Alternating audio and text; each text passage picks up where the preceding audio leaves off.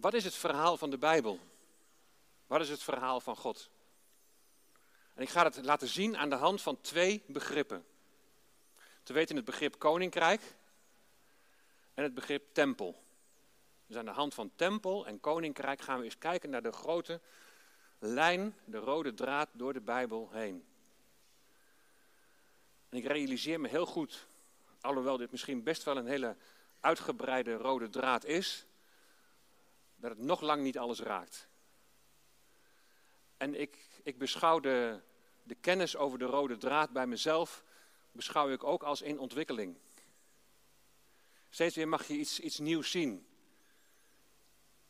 mijn kennis daarover is beperkt. En ik merk dat ik mensen naast me nodig heb die me daarin aanvullen, of me daarin corrigeren, die bereid zijn om daarin te sparren. Afgelopen maandag waren we met voorgangers bij elkaar in, in Sneek. En toen werd er benadrukt hoe belangrijk het is om een fundamentenstudie te hebben in de gemeente. En toen zei ik, ja, dat is inderdaad heel mooi. Maar ik zou met jullie wel eens na willen denken over die rode draad door de Bijbel. En waar we die fundamenten dan aan moeten hangen. Ik zeg, want dan wordt ook direct duidelijk of we ergens verschillend over denken en hoe het komt dat we dingen verschillend uitleggen. Maar goed, de rode draad. Naar aanleiding van het centrale vers, Daniel 2, vers 21, die we net gelezen hebben, kunnen we zeggen dat er één is die boven de kosmos, boven de wereld, boven het heelal staat, en dat is God. Hij is de hoogste autoriteit. Hij is koning en hij heerst over alles. Hij delegeert in eerste, in eerste instantie zijn regeerambt over de aarde wel aan de mens. Hij staat toe dat de Satan, de overste van deze wereld, dat die kan opereren. Hij staat toe dat Israël op een gegeven moment een eigen koning aanstelt. Maar voor alles geldt dat hij toestaat tot bepaalde grenzen. En dat hij uiteindelijk de macht heeft. Een koning heeft een koninkrijk, toch? Nou, verschillende koninkrijken zullen vanavond de revue passeren. Koninkrijken die aan tijd gebonden zijn, aardse koninkrijken, maar we beginnen met het koninkrijk van God.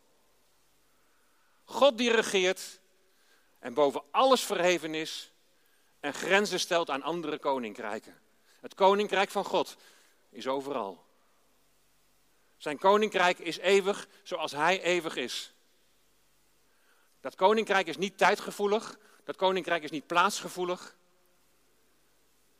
En wij krijgen alleen toegang tot dat koninkrijk door, jullie hebben het vanmorgen gehoord, 1 Petrus, door de wedergeboorte. Nou, dan gaan we ons nu richten op de aarde. De aarde waarop wij leven. En wat is dan het verhaal van de Bijbel? Weet je, verhalen, of het nu is verfilmd, of het is een theaterstuk, of zoals de Bijbel een boek, die hebben allemaal een, een setting van het verhaal, een personages en een plotlijn.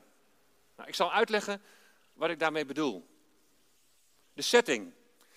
Nou, de setting zou je kunnen zeggen dat is de schepping. De wereld zoals wij die kennen. In een theater, daar heb je een podium waar het verhaal verteld wordt. Nou, als je nou naar de wereld kijkt, dan zou je kunnen zeggen dat God een podium bouwt om zijn vakwerk te tonen. De wereld is als het ware een theater om Gods heerlijkheid te laten zien. God bouwde de set, hij schiep de wereld, zodat er een plaats zou zijn waarin hij gekend, hij gediend en hij verheerlijkt zou worden en waar hij aanwezig zou zijn. De wereld die God schiep, zou je als het ware kunnen vergelijken met een kosmische tempel. ga ik verder uitleggen. Vergelijk de wereld is met, met een kosmische tempel. De aarde, een tempel binnen het geheel van het heelal. Een tempel waar Gods heerlijkheid zichtbaar moet worden. En in zijn tempel, daar plaatste hij zijn beeld en zijn gelijkenis, de mens. En het beeld dat God in deze tempel op deze aarde plaatste, is de mens die geroepen is om hem te vertegenwoordigen. de setting. Dan krijg je de personages. De hoofdrolspeler. Nou, jij speelt niet de hoofdrol. De drie enige God is de hoofdrolspeler in het verhaal. Dan is daar natuurlijk de mens geschapen naar zijn beeld en naar zijn gelijkenis. Satan is de slechterik. En zij die trouw zijn aan God. En zij die trouw zijn aan de Satan, de engelen. En er is door de hele Bijbel heen is er een voortdurend conflict tussen God en Satan. En beide proberen de loyaliteit van mensen te winnen. Er is voortdurend is er een strijd om jou en mijn ziel. De personages. Dan het plot. Een plotlijn betekent eigenlijk de grote lijn door de Bijbel heen. Dat is de schepping, de zondeval, verzoening en herstel. Je zou kunnen zeggen de herschepping. Er is dus een voortdurende strijd tussen God en de hoogmoedige Satan die zich boven God wil verheffen. En het is dit grote conflict tussen God en Satan dat dit plot, hè, wat, ik net schetste, wat dat vooruitstuwt naar het einde toe. En je ziet een voortschrijdende ontwikkeling in Gods, Gods verlossingsplan, zijn plan van herstel. En uiteindelijk komt er dan een nieuwe kosmische tempel, een nieuwe hemel en een nieuwe aarde binnen het geheel van het heelal. God heeft op verschillende momenten een kleinschalige versie van die tempel, het dus aanhalingstekens tempel, een kleinschalige versie van die tempel gemaakt. Je zou dat de microcosmos kunnen noemen. Micro is klein, in het klein. Een plek waar God aanwezig is, waar Hij aanwezig kan zijn op deze aarde. Een plek waar Hij regeert en waar de mens in zijn nabijheid kan zijn. De aarde dus als tempel in de macrocosmos. En die eerste microcosmos, die zogenaamde tempel, is de Hof van Eden. De plek hier op aarde waar God met de mens wandelt en waar Hij zijn heerlijkheid en zijn majesteit toont. En, en het is de bedoeling, zoals je in Psalm 72, vers 19 kunt lezen, dat de hele aarde vervuld zal worden van Zijn heerlijkheid. Dat is de bedoeling, dat de hele aarde vervuld zal worden van zijn heerlijkheid. En in onder andere Jezaja 11 vers 9 en nummer 14 vers 21 lees je de belofte dat dit ook eenmaal zo zal zijn. Maar het begint allemaal daar in die Hof van Eden. Een plek die gevuld is met de heerlijkheid en de glorie en de luister van de Heer. Maar dan komt de tegenstander. Aan wie moet de mens loyaal zijn? En de mens, we weten het, die valt voor de verleiding van de Satan. De mens valt voor de begeerte van het vlees. Want de boom was goed om van te eten. De mens valt voor de begeerte van de ogen. De boom zag er goed uit. En de val heeft te maken met hoogmoed. Adam en Eva was immers beloofd dat ze door het eten van deze boom, dat ze als God zouden zijn. En door te nemen van die verboden vrucht, wat gebeurt er? Hebben ze die tempel verontreinigd. Ze moeten de omheinde tuin moeten ze verlaten aan de oostzijde. De ingang van de tuin. De ingang van de tempel. En ze komen in een wereld terecht die onder invloedssfeer van de Satan staat. Hij wordt de God van deze eeuw, van dit tijdperk en de overste van de wereld genoemd. Het is de tijd van het koninkrijk van Satan. Zowel in het Hebreeuws als in het Grieks staat koninkrijk gelijk aan koningschap. Dus het koningschap van Satan. De mens wordt zonder het zelf vaak te weten, wordt onderdaan van Satan. De mens leeft op een vervloekte aarde onder zijn invloedssfeer. Maar in Genesis 3, vers 15, dus al zo vroeg in de Bijbel, staat al de belofte van herstel, de belofte van verlossing. Genesis 3, vers 15. En ik zal vijandschap teweeg brengen tussen u en de vrouw, en tussen uw nageslacht en haar nageslacht. Dat zal u de kop vermorzelen, en u zult het de hiel vermorzelen.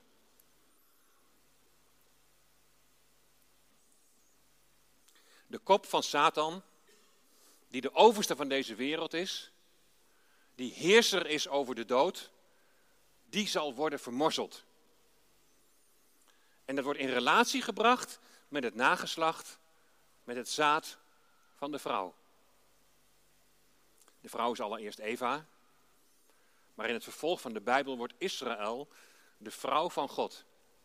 En uit haar zal de Messias voortkomen. Hier lees je dus al over de belofte van herstel voor Israël en over de komst van de Messias. Het vermorzelen van de kop van Satan wordt in relatie gebracht met de Messias, van wie de hiel vermorzeld zal worden. Daar zal de spijker in geslagen worden aan het kruis. Aan het kruis heeft Jezus de Satan, de heerser over de dood, verslagen. Gaandeweg zie je in de Bijbel dat Satan er alles aan gelegen is dat Genesis 3, vers 15 niet in vervulling gaat. Dat het nageslacht, het zaad van de vrouw niet geboren zal worden. Maar er zijn ook momenten dat God zo rigoureus ingrijpt dat het lijkt alsof het is gedaan met die belofte van Genesis 3, vers 15. 1657 jaar na de val lijkt het erop dat het is gedaan. De Messias beleidende Jood heeft deze berekening gemaakt. Pin me er niet helemaal op vast. Maar dan is namelijk de zondvloed. Noach en zijn gezin worden gespaard. En zo zie je, er blijft altijd een rest over. De verwachting van de Messias blijft staan. De lijn naar de Messias gaat via de oudste, eerste zoon van Noach, via Sem, via de Semieten. In Genesis 10, dus na de, na de zondvloed, dan zie je het begin van het koninkrijk van de heidenen. En daar gaat het over Nimrod. En dat raakt gelijk al een beetje ons onderwerp Daniel, want hier gaat het namelijk over Babel. Genesis 10 vanaf vers 8. En Cush verwekte Nimrod, die begon een geweldenaar op de aarde te worden. Hij was een geweldig jager voor het aangezicht van de Heeren. En daarom wordt gezegd, als Nimrod, een geweldig jager voor het aangezicht van de Heeren. Eigenlijk staat het tegenover de Heeren. Het begin van zijn koninkrijk bestond uit Babel, daar heb je het, Erech, Akkad, Kalne, in het land Siniar. Maar Babel en Siniar komen allebei straks tegen in het boek Daniel. Maar het begon dus allemaal in Babel en Nimrod die bouwde Nineveh. Nimrod die een groot heerser over de toenmalige wereld werd. Nimrod was een kleinzoon van Gam, de tweede zoon van Noach. Gam die vervloekt werd omdat hij roddelde over de naaktheid van zijn vader. Gams naam werd door Noach veranderd in Canaan, wat laag betekent. En het wijst op een dienende rol waartoe hij bestemd was ten opzichte van zijn broers. Dus Canaan, Gam, moet een dienaar zijn voor Sem. Nimrod, als nakomeling van Gam, die gaat daar tegenin. Eigenlijk zou je kunnen zeggen, Nimrod is de eerste antisemiet. Het grondgebied dat hij veroverde in Mesopotamië is het grondgebied van Sem. In Mesopotamië ligt onder andere Babel in de vlakte van Siniar, waar de twee rivieren zijn, de Uifraat en de Tigris. En Babel is Nimrods eerste stad en zijn belangrijkste stad. Nou, we kennen het vervolg in Genesis 11, de torenbouw van Babel. Ze wilden voor zichzelf een naam bouwen. En in de vlakte van Siniar vinden ze het bakken van kleiblokken uit. En daar gaan ze huizen bouwen en ze gaan een toren bouwen. En ze waren helemaal overtuigd van hun eigen mogelijkheden. In Babel, daar staat de mens centraal. De begeerte van het vlees, de begeerte van de ogen, hoogmoed, de zucht naar macht staat centraal. En hier is de eerste vorm van heidense religie te vinden. En na de verspreiding, na de torenbouw van Babel, verspreidden ook die religies, die verspreiden zich zo over de aarde. En in openbaring 17 en 18 zien we al die religies weer samenkomen in de hoer van Babylon. Eén wereldreligie. Zie je die overeenkomsten? Daniel en openbaring. De geest van Babel is al onmerkbaar bij wereldregeerders. Maar hoogmoed komt voor de val. God grijpt in bij de torenbouw en hij stopt het bouwen van de stad. En Babel betekent letterlijk verwarring. De mensen verspreiden zich over de aarde, hebben ieder hun eigen taal. En steeds is weer de vraag, wordt Genesis 3 vers 15 nu niet gedaan? Nee, God kiest Abraham uit. Een Semiet. En hij leidt hem van Ur der Galdeeën, dat in Mesopotamië ligt, leidt hij hem naar Canaan. Ur zie je rechts onderin, die rechte cirkel. Hij reist via Haran, die kleine cirkel bovenaan. En hij gaat dan naar het toenmalige Canaan. Naar het gebied van Gamdus. Dat door God aan Abraham en aan zijn nageslacht gegeven wordt.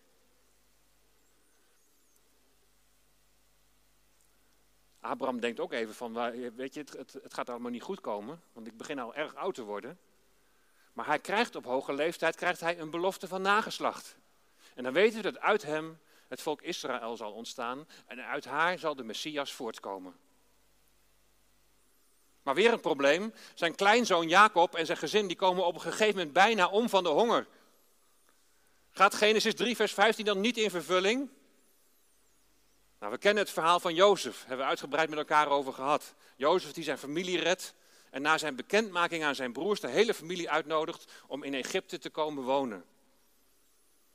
Maar na verloop van tijd worden de nazaten van, van, van hem die worden onderdrukt door Farao en ze moeten werken in slavernij. Oh, is dat het einde van Genesis 3, vers 15? Nee, Mozes wordt middelaar tussen God en zijn volk en hij leidt hen uit Egypte. En alles wat daar gebeurt zien we al als een heenwijzing naar de verlossing, zoals wij die ook hebben mogen meemaken. En God sluit een verbond met dit volk, een huwelijksverbond. En ze ontvangen de wet als huwelijkse voorwaarde.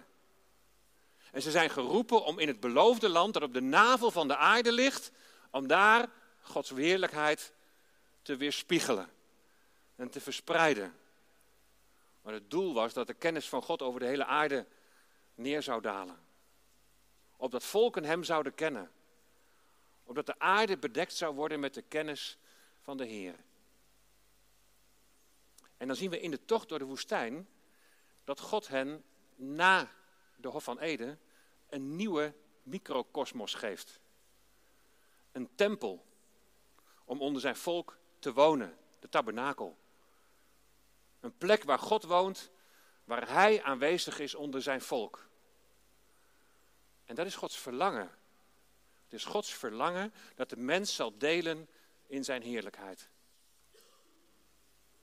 Mozes is middelaar tussen God en zijn volk. En de hoge priester mag één keer per jaar in het heilige der heiligen, waar God woont, verzoening doen voor zijn zonde en voor de zonde van het hele volk. En met Jozua komen ze dan in het beloofde land. Dan volgt de tijd van de richters. Een tijd waarin ieder deed wat goed was in zijn of haar ogen. En voortdurend zie je weer dat God genadig en barmhartig is. Dat hij ruimhartig vergeeft als er weer inkeer en berouw is bij het volk. En dan begint hij steeds weer opnieuw met een rest. Met Noach, met Abraham, met Israël. En steeds vallen ze weer in zonde. Maar dan komt er langs een weg van verdrukking en inkeer toch weer verzoening en herstel. Op een gegeven moment, dan komt het volk met het verzoek dat ze een koning willen zoals de omliggende volken. Dat was natuurlijk een klap in het gezicht van God. Hij wilde een theocratie. En dat ze hem als God zouden zien. Maar hij gaat er wel in mee. Hij heeft het al voorzien immers. Hij is van eeuwigheid tot eeuwigheid.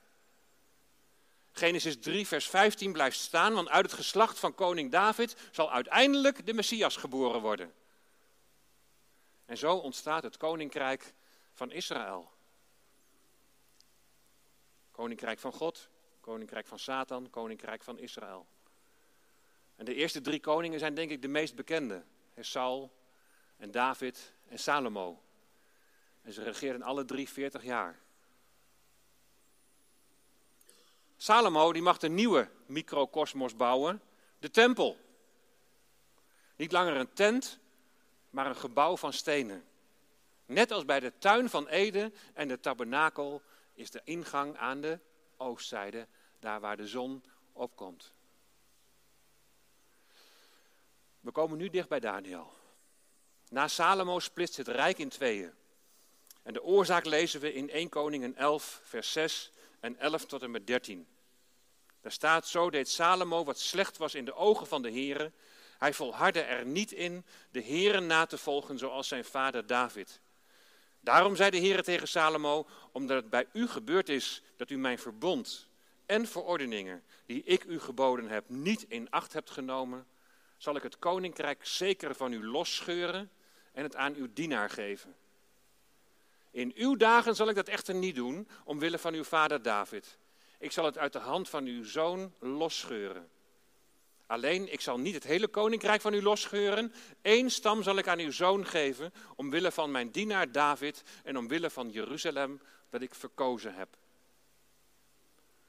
De vele vrouwen, en die hem ook nog verleiden tot afgoderij, zijn zijn ondergang geworden. De begeerte van het vlees, de begeerte van de ogen en hoogmoed. En hier zie je de verdeling in dat Noordrijk en dat Zuidrijk.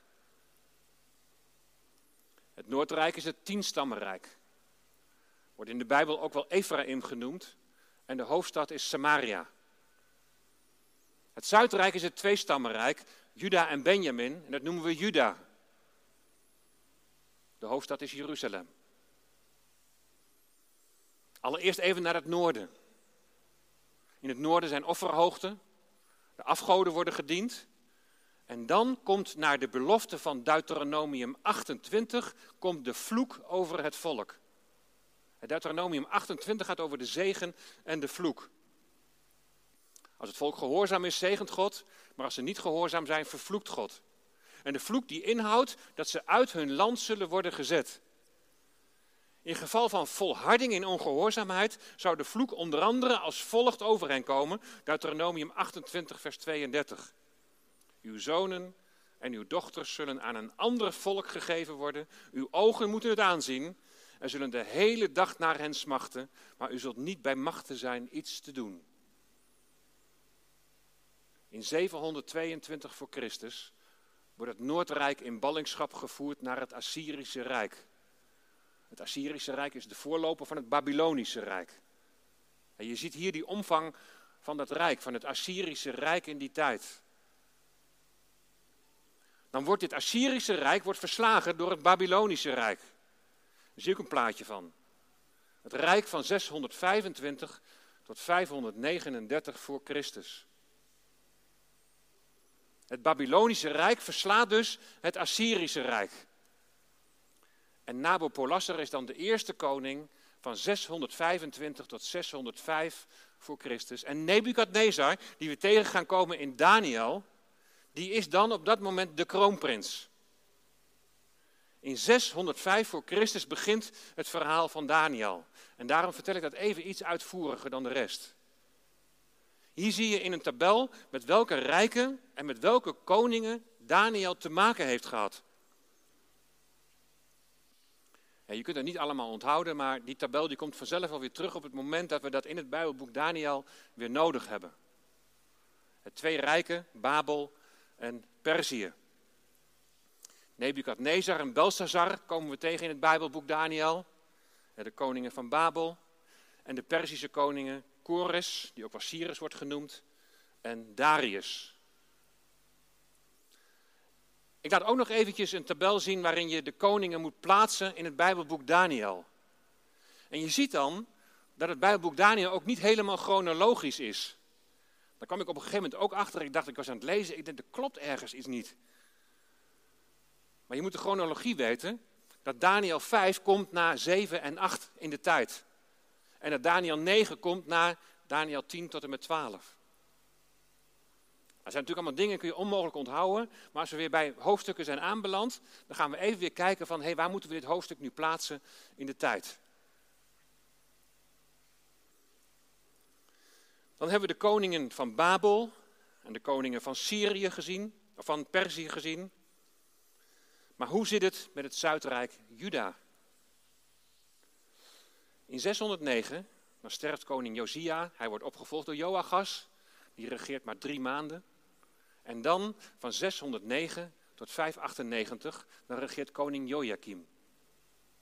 kunt in Koningen allemaal nalezen. En in 605 voor Christus, dat is even die bepalende datum weer, ook voor het boek Daniel. In 605 voor Christus is het beleg van Jeruzalem door Nebukadnezar. En als Nebukadnezar tijdens dat beleg hoort dat koning Nabopolassar is overleden, dan gaat hij zo snel mogelijk terug naar Babel om, het, om, om de troon op te eisen. Hij neemt dan nog wel snel even een deel van de tempelschat mee. Hij neemt ook nog een paar Judese prinsen mee, waaronder Daniel. En vanaf dat moment staat Jeruzalem al onder toezicht van Nebukadnezar. En dan wordt Joachim wordt aangesteld als een vazalkoning. Hij is wel koning, maar hij moet verantwoording afleggen aan Nebukadnezar. In 597 dan sterft hij en dan wordt hij opgevolgd door Joachim. En die geeft zich nog in hetzelfde jaar geeft hij zich helemaal volledig over aan de koning van Babel. En zo veroverde Nebukadnezar Jeruzalem. En hij stelt dan Zedekia aan als verzalkoning.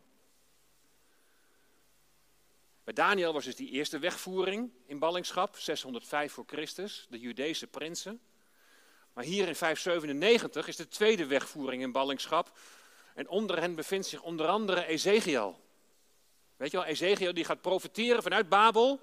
En die dan het geweldige beeld van die, van die nieuwe tempel laat zien. Bij die tweede wegvoering worden duizenden van de rijkste mensen worden gedeporteerd naar Babel. Alleen de arme mensen blijven over. Toen die vazalkoning Zedekia na een aantal jaren in opstand kwam, werd Jeruzalem na een langdurig beleg in 586 voor Christus werd het verwoest en werd de tempel verwoest.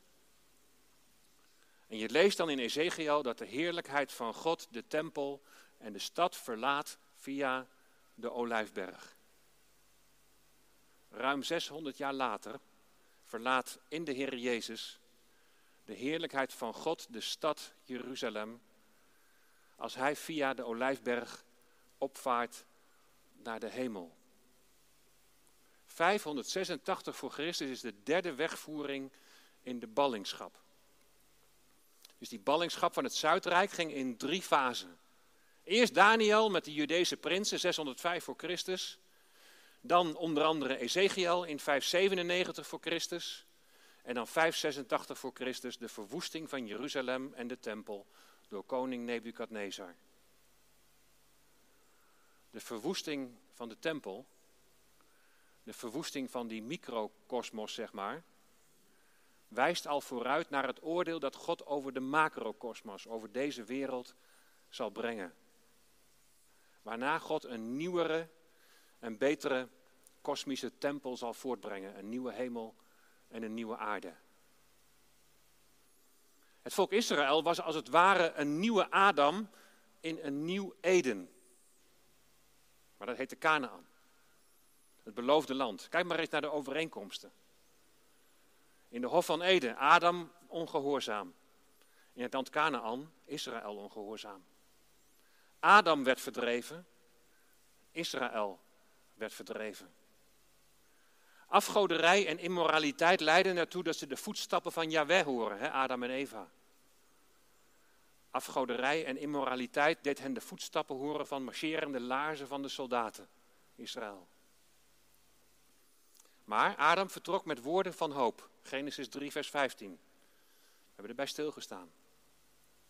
Maar ook Israël vertrok met woorden van hoop. De woorden uit Deuteronomium 4, vers 31. Want de Heere is uw God. Want de Heere uw God is een barmhartig God. Hij zal u niet loslaten en u niet te gronden richten. Hij zal het verbond met uw vaderen, dat hij onder ede met hen gesloten heeft, niet vergeten. De profeten die kondigden aan dat God Israël uit het land zou verdrijven, maar ook dat God Israël opnieuw zou verlossen. Zoals hij dat ten dagen van de Exodus heeft gedaan. Dat een nieuwe David zou opstaan. Dat Israël in een nieuw verbond zou treden met Yahweh. En dat zoals de geest aan Mozes en de 70 oudsten gegeven was, hij ook uitgestort zou worden op alle vlees. Een nieuwe ervaring van de geest. Joel 2, vers 28. Dat vind je in handelingen weer terug. En de profeten beloofden dat er een nieuwe verovering van het land zou plaatsvinden. Een land dat zou worden als een nieuw Eden. Weet je, ik ben nog steeds bezig met de rode draad. En heb daarbij de tijd rond Daniel wat uitgebreider belicht. Ondanks de ballingschap, en dat is belangrijk, blijft die belofte van God, blijft die belofte van Genesis 3, vers 15 blijft staan. Het volk keert terug uit ballingschap, voornamelijk het Zuidrijk. Men verwachtte een geestelijk herstel met bloei en welvaart voor Israël. Want dat is wat de profeten hebben aangekondigd. Maar het gebeurde niet. Is het gedaan met Genesis 3, vers 15? En het blijft heel lang stil. Er groeit in de tijd tussen het laatste Bijbelboek Malachi en het eerste Bijbelboek Matthäus, een periode van zo'n 400 jaar. Dan groeit op dat moment de overtuiging dat er een ingrijpen van buitenaf moet komen. Het verlangen naar de Messias neemt intens toe. En dan in Jezus Christus verschijnt Gods heerlijkheid hier op aarde. Hij verlaat de hemelse heerlijkheid en komt hier op deze aarde een verontreinigde tempel. Hij is net als Mozes middelaar tussen God en zijn volk. Hij is de hemelse hoge priester die komt om verzoening tot stand te brengen. En tijdens zijn leven hier op aarde bereikt de geestelijke strijd tussen God en Satan bereikt het hoogtepunt. En God reageert op Satans trots met de nederigheid van de Heer Jezus. Met de gehoorzaamheid van de Heer Jezus. Met de genade van de Heer Jezus en met de liefde van de Heer Jezus. Het kruis is de grote wending. Christus stierf aan het kruis om de straf voor de zonde te dragen. Door middel van het oordeel dat op Jezus neerkwam, redt God ieder die op hem vertrouwt. En aan het kruis versloeg hij Satan, de heerser over de dood, de overste van deze wereld. Adam, zelf de eerste Adam. Israël, we zagen het net, je zou, zou ze ook de tweede Adam kunnen noemen. We hebben een vergelijking gezien tussen de Hof van Eden en het Koninkrijk Israël, Canaan. En nu Jezus Christus, de laatste Adam. De eerste mens, Adam, is geworden tot een levend wezen. Adam werd een levend wezen, maar was niet in staat om leven te geven. Hij kon slechts nakomelingen verwekken die evenals hij door de zonde, de dood moesten sterven. Dat geldt voor Israël ook. Ze werden net als Adam, werden ze verdreven, werden ze uitgedreven als het ware uit hun microcosmos. En bij terugkeer kwam de overtuiging dat er een ingrijpen van buitenaf moest komen en die kwam, de laatste Adam. De Heer Jezus Christus is geworden tot een levendmakende geest. Hij schonk eeuwig leven door zelf onverdiend en plaatsvervangend de dood te sterven en daaruit op te staan. Hoewel hij niet door zijn volk wordt aangenomen, is dit het scharnierpunt in de geschiedenis. Genesis 3, vers 15 is al deels in vervulling gegaan. De hiel is vermorzeld aan het kruis. Maar de kop van de duivel is nog niet definitief vermorzeld. Zijn nederlaag staat al vast. Hij is verslagen, zou je kunnen zeggen, met D-Day, Decision Day. De dag dat Jezus stierf aan het kruis en de dood overwon. Maar de vermorzeling van zijn kop zal nog plaatsvinden op V-Day, op Victory Day, overwinningsdag. Als hij wordt geworpen in de poel van zwavel en vuur. Jezus, de laatste Adam. De belichaming van Israël. Wat bedoel ik daarmee? Nou, de Heer zegt tegen, je, zegt tegen Jezaja in Jezaja 49 vers 3. U bent mijn knecht Israël, in wie ik mij zal verheerlijken. En dit lijkt over een individueel persoon te gaan, maar toch wordt hier Israël bedoeld, genoemd. De knecht, de Messias, belichaamt het volk. Hij draagt het als het ware in zich. Zoals de aardse hoge priester een borstschild droeg met twaalf stenen, de twaalf stammen van Israël, en die binnenbracht in het heilige der heiligen, zo is de hemelse hoge priester in de eerste plaats gekomen om zijn volk te redden. En na Jezus dood en opstanding en na zijn hemelvaart is het koninkrijk der hemelen, hebben we weer een koninkrijk, dat hij verkondigde, is niet realiteit geworden. En het is omdat de koning werd afgewezen. Het koninkrijk der hemelen, een fysiek aards koninkrijk. Het is in tegenstelling tot het koninkrijk van God, is het wel tijdgevoelig en plaatsgevoelig. En dit koninkrijk voor Israël komt nog. En allen die nu Christus toebehoren, Jood en Heiden, zijn nu samen gemeente, samen zijn lichaam. In 70 na Christus is de tempel verwoest. Maar er is nu weer een andere tempel. Een andere microcosmos zou je kunnen zeggen. Wij zijn de tempel van de Heilige Geest. Herschapen naar Gods beeld en zijn gelijkenis. Gemaakt tot een nieuwe schepping. En geroepen om in deze wereld de heerlijkheid van God te weerspiegelen door te veranderen naar het beeld van de Heer Jezus. Toen tijdens zijn sterven het kleed in de tempel scheurde, werd duidelijk dat er voor ons, door op de hemelse hoge priester te vertrouwen, toegang is tot God de Vader. En samen zijn we nu in afwachting tot die dag dat volkomen herstel gaat komen. Die dag dat het zal zijn als in de Hof van Eden, beschreven aan het eind van het boek Openbaring. En het zal, zoals altijd weer, zal het door verdrukking heen zijn dat er herstel komt. Het weer koninkrijk. Het koninkrijk van de antichrist zal eerst nog komen. Als de toren van het lam, openbaring 6. Als de toren van het lam over deze aarde komt, dan zal God niet toestaan dat zijn tempel, dat zijn lichaam opnieuw wordt verwoest. Wij die de tempel van de Heilige Geest zijn, komt Hij halen. En de Vader alleen weet het tijdstip dat de bruidegom de bruid haalt. Op een later tijdstip zullen we kijken wanneer dat tijdstip, dat tijdstip is in relatie tot die grote verdrukking die over deze aarde gaat komen. En aan het eind van die verdrukking, dan komt de Heer Jezus terug om de volkeren te oordelen, om zijn volk te bevrijden die zich tot Hem zal bekeren. Het koninkrijk der hemelen, wat een fysiek aards koninkrijk is, breekt aan. En de zoon van David, de Heer Jezus, de Messias, zal regeren vanuit Jeruzalem duizend jaar lang. God herstelt zijn volk in zijn dienst. Een priestervolk dat zal getuigen van haar God en van haar Messias, de Heer Jezus. En aan het eind daarvan zal de Satan nog even losgelaten worden. En hij zal tekeer gaan, hij zal mensen nog misleiden, maar zijn eindstation is de poel van zwavel en vuur. En dan breekt het koninkrijk van de vader aan. De zoon draagt over aan de vader. En, en zij die niet geschreven staan in het boek des levens, omdat zij de zoon niet kennen, worden veroordeeld.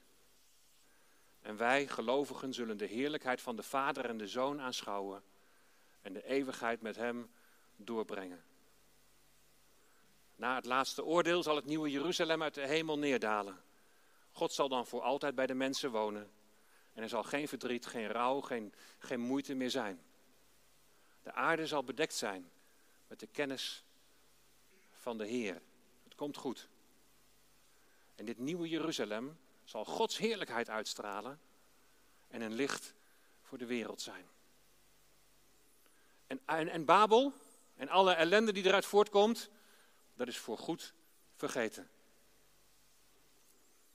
Wat is de plek van het Bijbelboek Daniel binnen deze rode draad?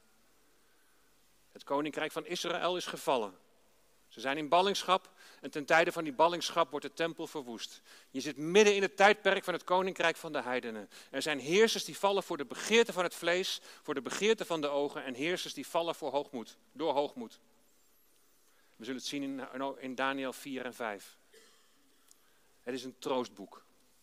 Want in dit bijzondere Bijbelboek, dat ons de loop van de geschiedenis laat zien, lees je over de belofte van de komst van de Heer Jezus. Over zijn eerste komst als lam van God, om zijn volk te redden, en over zijn tweede komst als hij komt om te oordelen. gaandeweg in het vervolg van Daniel kom ik wel weer regelmatig terug op deze rode draad. Nog even de koninkrijken op een rijtje. Het koninkrijk van God, toegang door wedergeboorte. Het koninkrijk wat overal is. Het koninkrijk van Satan, van de heidenen, van Israël, van de antichrist. Het koninkrijk der hemelen, het messiaanse rijk dat komt. Het duizendjarig vrederijk. En uiteindelijk het koninkrijk van de Vader. Het is heel belangrijk om, om die te onderscheiden. Om bijvoorbeeld ook het koninkrijk van God en het koninkrijk der hemelen, om daar onderscheid in te maken. Maar anders kom je bij het lezen van de, van de, van de, van de evangelie, kom je helemaal in de knoei. Dan ga je teksten niet begrijpen of daar raar van opkijken. Nog even een kort overzicht van het Bijbelboek Daniel. Hoofdstuk 1 is geschreven in het Aramees. Hoofdstuk 2 tot en met 7, oh sorry, in het Hebreeuws. Hoofdstuk 2 tot en met 7 in het Aramees. En hoofdstuk 8 tot en met 12 weer in het Hebreeuws. Hoofdstuk 2 tot en met 7 heeft een symmetrische structuur.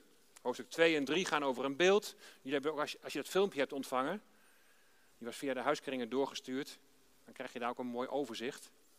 En dan zie je hoofdstuk 2 en 3 gaan over een beeld. Hoofdstuk 2 het beeld over de opeenvolgende koninkrijken. Hoofdstuk 3 het beeld waar de vrienden van Daniel voor moeten buigen. Hoofdstuk 4 en 5 gaan over Nebukadnezars en Belshazzars trots. En de eerste komt tot inkeer en de tweede niet. En die moet het met de dood bekopen. Hoofdstuk 3 en 6 hebben weer overeenkomst. In hoofdstuk 3 de vrienden in de brandende oven. En in hoofdstuk 6 Daniel in de leeuwenkuil. En beide worden uiteindelijk door de koning verhoogd. Hoofdstuk 2 en 7 hebben een overeenkomst. Hoofdstuk 2 gaat over de droom van de koning. En hoofdstuk 7 gaat over de droom van Daniel. Het beeld in hoofdstuk 2 en de beesten in hoofdstuk 7 symboliseren beide koninkrijken. En die kwam je dus in openbaring 13 kom je ze ook weer tegen. Geweldig om, om, de, om de lijn te zien en hoe dingen overeenkomen. In hoofdstuk 7 wordt het beest door God verslagen. Wanneer gaat God dat doen? Hoofdstuk 8 tot en met 12 moeten ons daar inzicht in geven. En tot zover de inleiding. En dan gaan we nu nog even kijken naar hoofdstuk 1. Daniel hoofdstuk 1. En ik begin even met de eerste twee versen. Ik ga niet alle versen behandelen, maar ik pik er zo even een paar uit. En wat dan een aanvulling moet zijn op de preek die daar al op gehouden is. Er staat namelijk in het derde jaar van de regering van Joachim, de koning van Juda, kwam Nebukadnezar, de koning van Babel, naar Jeruzalem en hij belegerde het. En de Heere gaf Joachim, de koning van Juda, in zijn hand en een deel van de voorwerpen van het huis van God. Hij bracht die naar het land Siniar, naar het huis van zijn God. Hij bracht de voorwerpen naar de schatkamer van zijn God. Nou, vers 1 geeft ons dus een tijdsaanduiding. En handig om dan direct het schema er maar even bij te pakken van de koningen van Juda. Joachim die regeerde van 609 tot 597 voor Christus. Nou, aangezien in de Joodse telling het eerste jaar niet meetelde, is het derde regeringsjaar van Joachim is 605 voor Christus. Het is het jaar dat Nebukadnezar Jeruzalem belegert. Hij is dan nog geen koning, maar hij is kroonprins. En tijdens dat beleg hoort hij dus dat Nabopolassar is overleden. En dan gaat hij, als de wielen weer gaat, terug naar Babylon. En dan gaat hij de troon opeisen. Nebukadnezar wordt de nieuwe koning. Hij neemt een deel van de tempelschat mee en dus ook die Judese prinsen, waaronder Daniel en zijn drie vrienden. En hij brengt de tempelschat naar Siniar. hey, Genesis 10, Nimrod, Babel, Siniar. Daar kwamen die namen tegen. En hier zie je de vlakte van Siniar. Shinar in het Engels. En daarbinnen ligt Babylon. Nou, we zien hier in vers 2 dat de Heer Juda in handen van Nebukadnezar geeft. Zomaar even een detail, maar het is God zelf die Juda in handen van Nebukadnezar geeft. De maat van de zonde is vol. En in overeenstemming met Deuteronomium 28 worden ze uit hun land worden ze verdreven. Het Deuteronomium gaat over zegen en vloek. God houdt daar zijn volk voor dat als zij gehoorzaam zijn, dat hij ze zal zegenen. En als ze ongehoorzaam zijn, zal hij zijn vloek over hen uitspreken en zullen ze uit het land worden verbannen. Voorspoed-evangelisten, die gaan nogal eens aan de haal met dit Bijbelgedeelte, met Deuteronomium 28. Ze passen de vervangingstheologie toe, de, de gemeente in plaats van Israël, door dit Bijbelgedeelte, Deuteronomium 28, zegen en vloek op ons te gaan betrekken. vervangingstheologie houdt in dat de gemeente in plaats van Israël is gekomen en dat je alle beloften die op Israël van toepassing zijn, dat je die nu gaat toepassen op de gemeente. En dan is de redenering als volgt. De vloek in Deuteronomium 28 is niet meer voor ons van toepassing, want die vloek heeft Jezus gedragen aan het kruis, aan het vloekhout. Maar de belofte van aardse zegeningen, van voorspoed aan Israël, die worden nu op ons toegepast. Waar zie je in het Nieuwe Testament bevestigd dat wij in plaats van Israël zijn gekomen? En dat wij de zegeningen die voor hen bestemd zijn op onszelf kunnen toepassen? Nergens. Het is echt pure dwaalleer. Als je dit gelooft, moet je ook alle profetieën voor Israël gaan toepassen op de gemeente. Dan moet je niks meer letterlijk gaan nemen. Dan moet je alles gaan vergeestelijken, want anders kom je er niet meer uit. Dat is niet wat wij doen. Voordat we verder gaan met het Bijbelboek Daniel, een paar dingen die belangrijk zijn om te beseffen. Besef dat Daniel een Judese, een Joodse prins is. Dat hij van Gods volk is. Bedenk ten tweede dat het Gods volk uit Juda is, het tweestammenrijk, dat hier in ballingschap wordt gevoerd. Dus, conclusie, lees dit boek in de Joodse context. Ook als we later in dit boek naar de profetieën gaan kijken. Natuurlijk kunnen wij er van alles van leren, maar ga het eerst lezen vanuit die Joodse context. Als je dat niet doet, dan ben je weer, voordat je het weet, ben je zo met vervangingstheologie bezig. We gaan verder met hoofdstuk 1 naar dit intermezzo. We gaan kijken naar vers 3 en 4. Toen beval de koning aan Aspenas, het hoofd van zijn hovelingen, dat hij enigen van de Israëlieten moest laten komen, namelijk uit het koninklijk geslacht en uit de edelen. Jonge mannen zonder enig gebrek, knap van uiterlijk, bedreven in alle wijsheid, ervaren in wetenschap, helden van verstand en die in staat waren dienst te doen in het paleis van de koning. En dat men hen moest onderwijzen in de geschriften en in de taal van de Galdeeën. Het is een tactiek om de upper class, om de knappe koppen uit Juda weg te halen. Zo verzwak je de vijand. En zoals ik in de preek al aangaf, die ik hierover gehouden heb, daarmee houd je ook de ouders rustig. Want hun kinderen zijn immers in hand van de vijand. Aspenas is het hoofd van de hovelingen. Het wordt ook wel eens vertaald als de hoofd van de eineugen. Eineugen zijn mannen die gecastreerd zijn. Maar dat gebeurde wel, maar, maar het is de vraag of dat hier ook het geval is. Of Daniel ook een eineug is. Ik denk het niet. En het zou tegenstrijdig zijn met vers 4 waar staat dat het jongens moeten zijn zonder enig gebrek. Maar als je gecastreerd bent, dan kun je niet zeggen dat er geen gebrek is. Nebukadnezar doet er door de wegvoering van de tempelschatten en door het omturnen van deze Joodse edelen, deze Joodse prinsen tot Babyloniërs, doet hij er alles aan om de cultuur en de godsdienst van de Joden te elimineren. Ze moesten worden onderwezen in de geschriften en in de taal van de Galdeën. En Babylon lag in Chaldea. Het denken van de jonge prinsen moest worden gemanipuleerd, zodat ze zouden gaan denken en dat ze zouden gaan handelen als de Babyloniërs. Ons denken wordt ook aan alle kanten gemanipuleerd. En vaak hebben we het niet eens in de gaten. De commerciële wereld bijvoorbeeld, die, die is daar zo in getraind om zo hun product aan de man te brengen. We worden daarin gigantisch gemanipuleerd. Ik sta ook vaak heel verbaasd hoe makkelijk de mensheid beïnvloedbaar is. Zonder een discussie aan te gaan hè, over de maatregelen die, die tijdens de coronatijd werden genomen, heeft het mij wel verbaasd hoe in landen en hele werelddelen klakkeloos, met nauwelijks enig verweer, nagenoeg ineens iedereen met een mondkapje opliep, men anderhalve meter afstand hield en een QR-code door mensen massaal werd geaccepteerd als bewijs of je ergens wel of niet naar binnen mocht. Weet je, of het nu wel of niet nodig was, of wel of niet noodzakelijk, laat ik helemaal even in het midden. Daar gaat het me absoluut niet om. En er was ook heel veel onwetendheid in het begin. Maar wat we wel weten, is dat manipulatie plaatsvond door het bewust kweken van angst. Van het Duitse ministerie weten we dat ze wetenschappers inschakelden om corona-angst op te wekken. Zo gewoon in het NOS-nieuws. Het Duitse ministerie van Binnenlandse Zaken heeft begin 2020, dus begin 2020 al, samen met verschillende wetenschappers aan een strategie gewerkt om de angst voor de corona te vergroten, om zo begrip voor ingrijpende coronamaatregelen te kweken. Weet je, iedereen heeft zo zijn of haar idee over de noodzakelijkheid van de maatregelen. Daar gaat het dus helemaal niet om. En dat heeft een vreselijke polarisatie, een vreselijke tweedeling gebracht. En die discussie wil ik absoluut niet opnieuw voeren.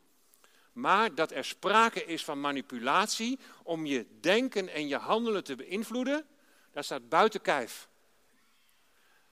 En dat kan zowel met positieve als negatieve intenties zijn hoor. Maar het gebeurt en het, en het vindt plaats. En de vraag is, omdat wij graag iets willen leren van Daniel, hoe gaan Daniel en zijn vrienden hier nou mee om? De manipulatie begint al met de wijziging van hun namen.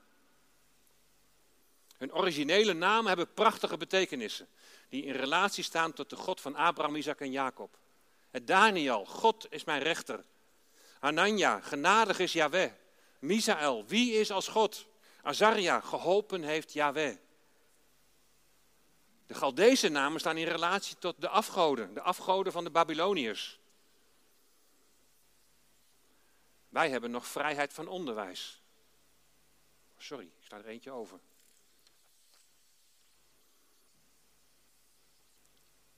Als laatste zei ik van de Galdese namen staan in relatie tot de goden van de Babyloniërs.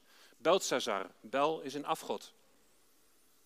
Bel is de naam, oftewel de titel van verscheidene goden die in het oude Tweestromenland werden veroordeeld. Werden vereerd. Bel is de Oost-Semitische vorm van het woord, terwijl Baal, die naam kennen we beter, Baal de West-Semitische vorm is. Betekenis van Belsazar is Bel beschermt zijn leven. Baal. Sadrach betekent bevel van Aku en Aku is de, is de maangod. Abednego betekenis knecht van Nebo. En Nebo was de god van handel en verkeer en de god van schrijvers. En Mesach, wie is als Aku? En Aku is weer die maangod.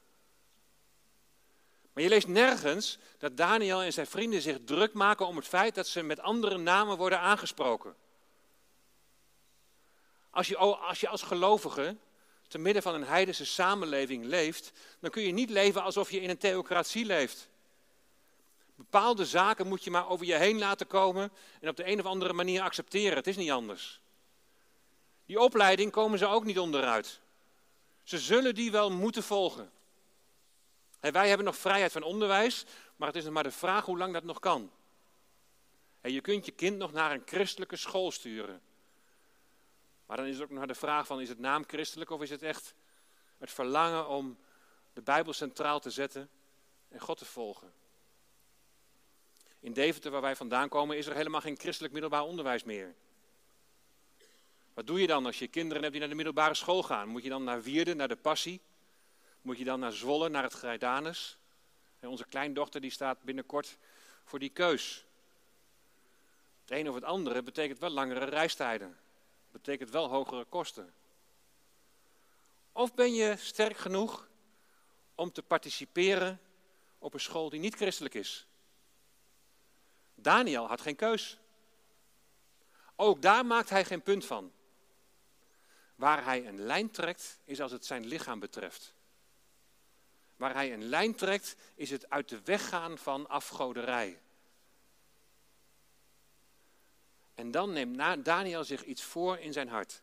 En het is een wilsbesluit. Ik ga me niet besmetten met de gerechten van de koning of met de wijn die hij dronk. En hij gaat dan niet met een grote mond naar het hoofd van de hovelingen. Nee, hij, hij doet keurig een verzoek bij hem, staat er. En bij een verzoek dan kan het antwoord altijd nee zijn. Maar Daniel weet, ik hoef maar één ding te doen. Ik moet gehoorzaam zijn. Ik moet doen wat God zegt. En hoe het uitwerkt, dat is een tweede. Dus het antwoord op het verzoek kan nee zijn. Maar besef wel, en dat zien we hier ook in Daniel, als je zo'n verzoek doet, dan sta je niet alleen in. Dat blijkt uit vers 9. God gaf Daniel genade en barmhartigheid bij het hoofd van de hovelingen. Het doen van zo'n verzoek is al heel ongewoon. Dat het hoofd van de hovelingen er serieus op ingaat, is ook heel ongewoon. En dat hij er vervolgens ook nog mee instemt, met gevaar voor eigen leven, dat is helemaal ongewoon. Wat is de les? Bedenk dat het onmogelijke mogelijk is bij God. Daniel is gehoorzaam. En dan is het aan God wat hij ermee doet. Dat is aan hem. God is soeverein. Dat betekent dat niemand voor hem beslist en dat ook niemand bepaalt hoe iets gebeurt. Wij moeten gehoorzaam zijn en op God vertrouwen en zien hoe Hij de weg leidt.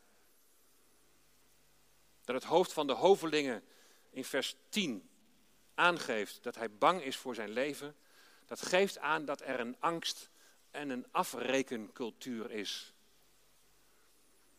Nou, ik denk dat we daar heel veel van kunnen herkennen, ook in onze tijd. Een angst en een afrekencultuur.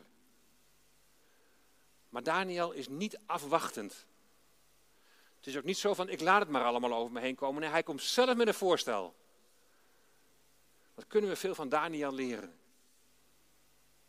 In het maken van keuzes, onderscheid maken in wat er nu echt toe doet. Bepaalde dingen laten rusten.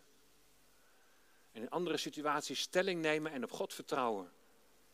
Bidden, vertrouwen en anticiperen op de situatie door zelf een voorstel te doen. Als we het nu zo en zo gaan doen. Stel ons maar tien dagen op de proef. dat is nog te overzien. En dan wordt deze trouw van deze mannen wordt door God beloond. Vers 17. Aan deze vier jonge mannen, nu gaf God kennis en verstand van allerlei geschriften en wijsheid. En Daniel gaf hij inzicht in allerlei visioenen en dromen. Zie je, God is soeverein. Hij is de hoofdpersoon in dit boek. Hij geeft Juda in de handen van Nebukadnezar. En hier zien we wat, wat God aan Daniel geeft. En ze komen in dienst van de koning. Onder hen allen werd niemand gevonden als Daniel, Hanania, Misaël en Azaria. En zij traden in dienst van de koning. In alle zaken waar het aankomt op een wijs inzicht, waarover de koning hen ondervroeg, vond hij hen tienmaal beter dan alle magiërs en bezweerders die er in zijn hele koninkrijk waren. En tot slot nog even vers 21, dan kunnen we nog eventjes rekenen. En Daniel bleef tot het eerste jaar van koning Kores. Met het eerste jaar van koning Kores werd voor de Joden in Jeruzalem bedoeld het eerste jaar dat deze koning zeggenschap had over Babel, 538 voor Christus. Het is het jaar waarin hij aan de Israëlieten toestemming gaf om terug te keren naar hun land. Voor de Joden in Babel was het eerste jaar van koning Kores het jaar dat hij daadwerkelijk het bestuur van Darius overnam. 536 voor Christus. Vers 21 wil aangeven dat Daniel tot en met die tijd aan het hof verbleef. Hij was daar vanaf 605 voor Christus. Dus hij is 69 jaar aan het hof. Als we aannemen dat hij daar op 14-jarige leeftijd kwam, dan is hij 83 jaar. Een bejaarde man. Durf een Daniel te zijn. Connect met God, connect met elkaar als gelovigen en connect met deze wereld. Jullie zien hier dit, uh, deze banner met het jaarthema Connect.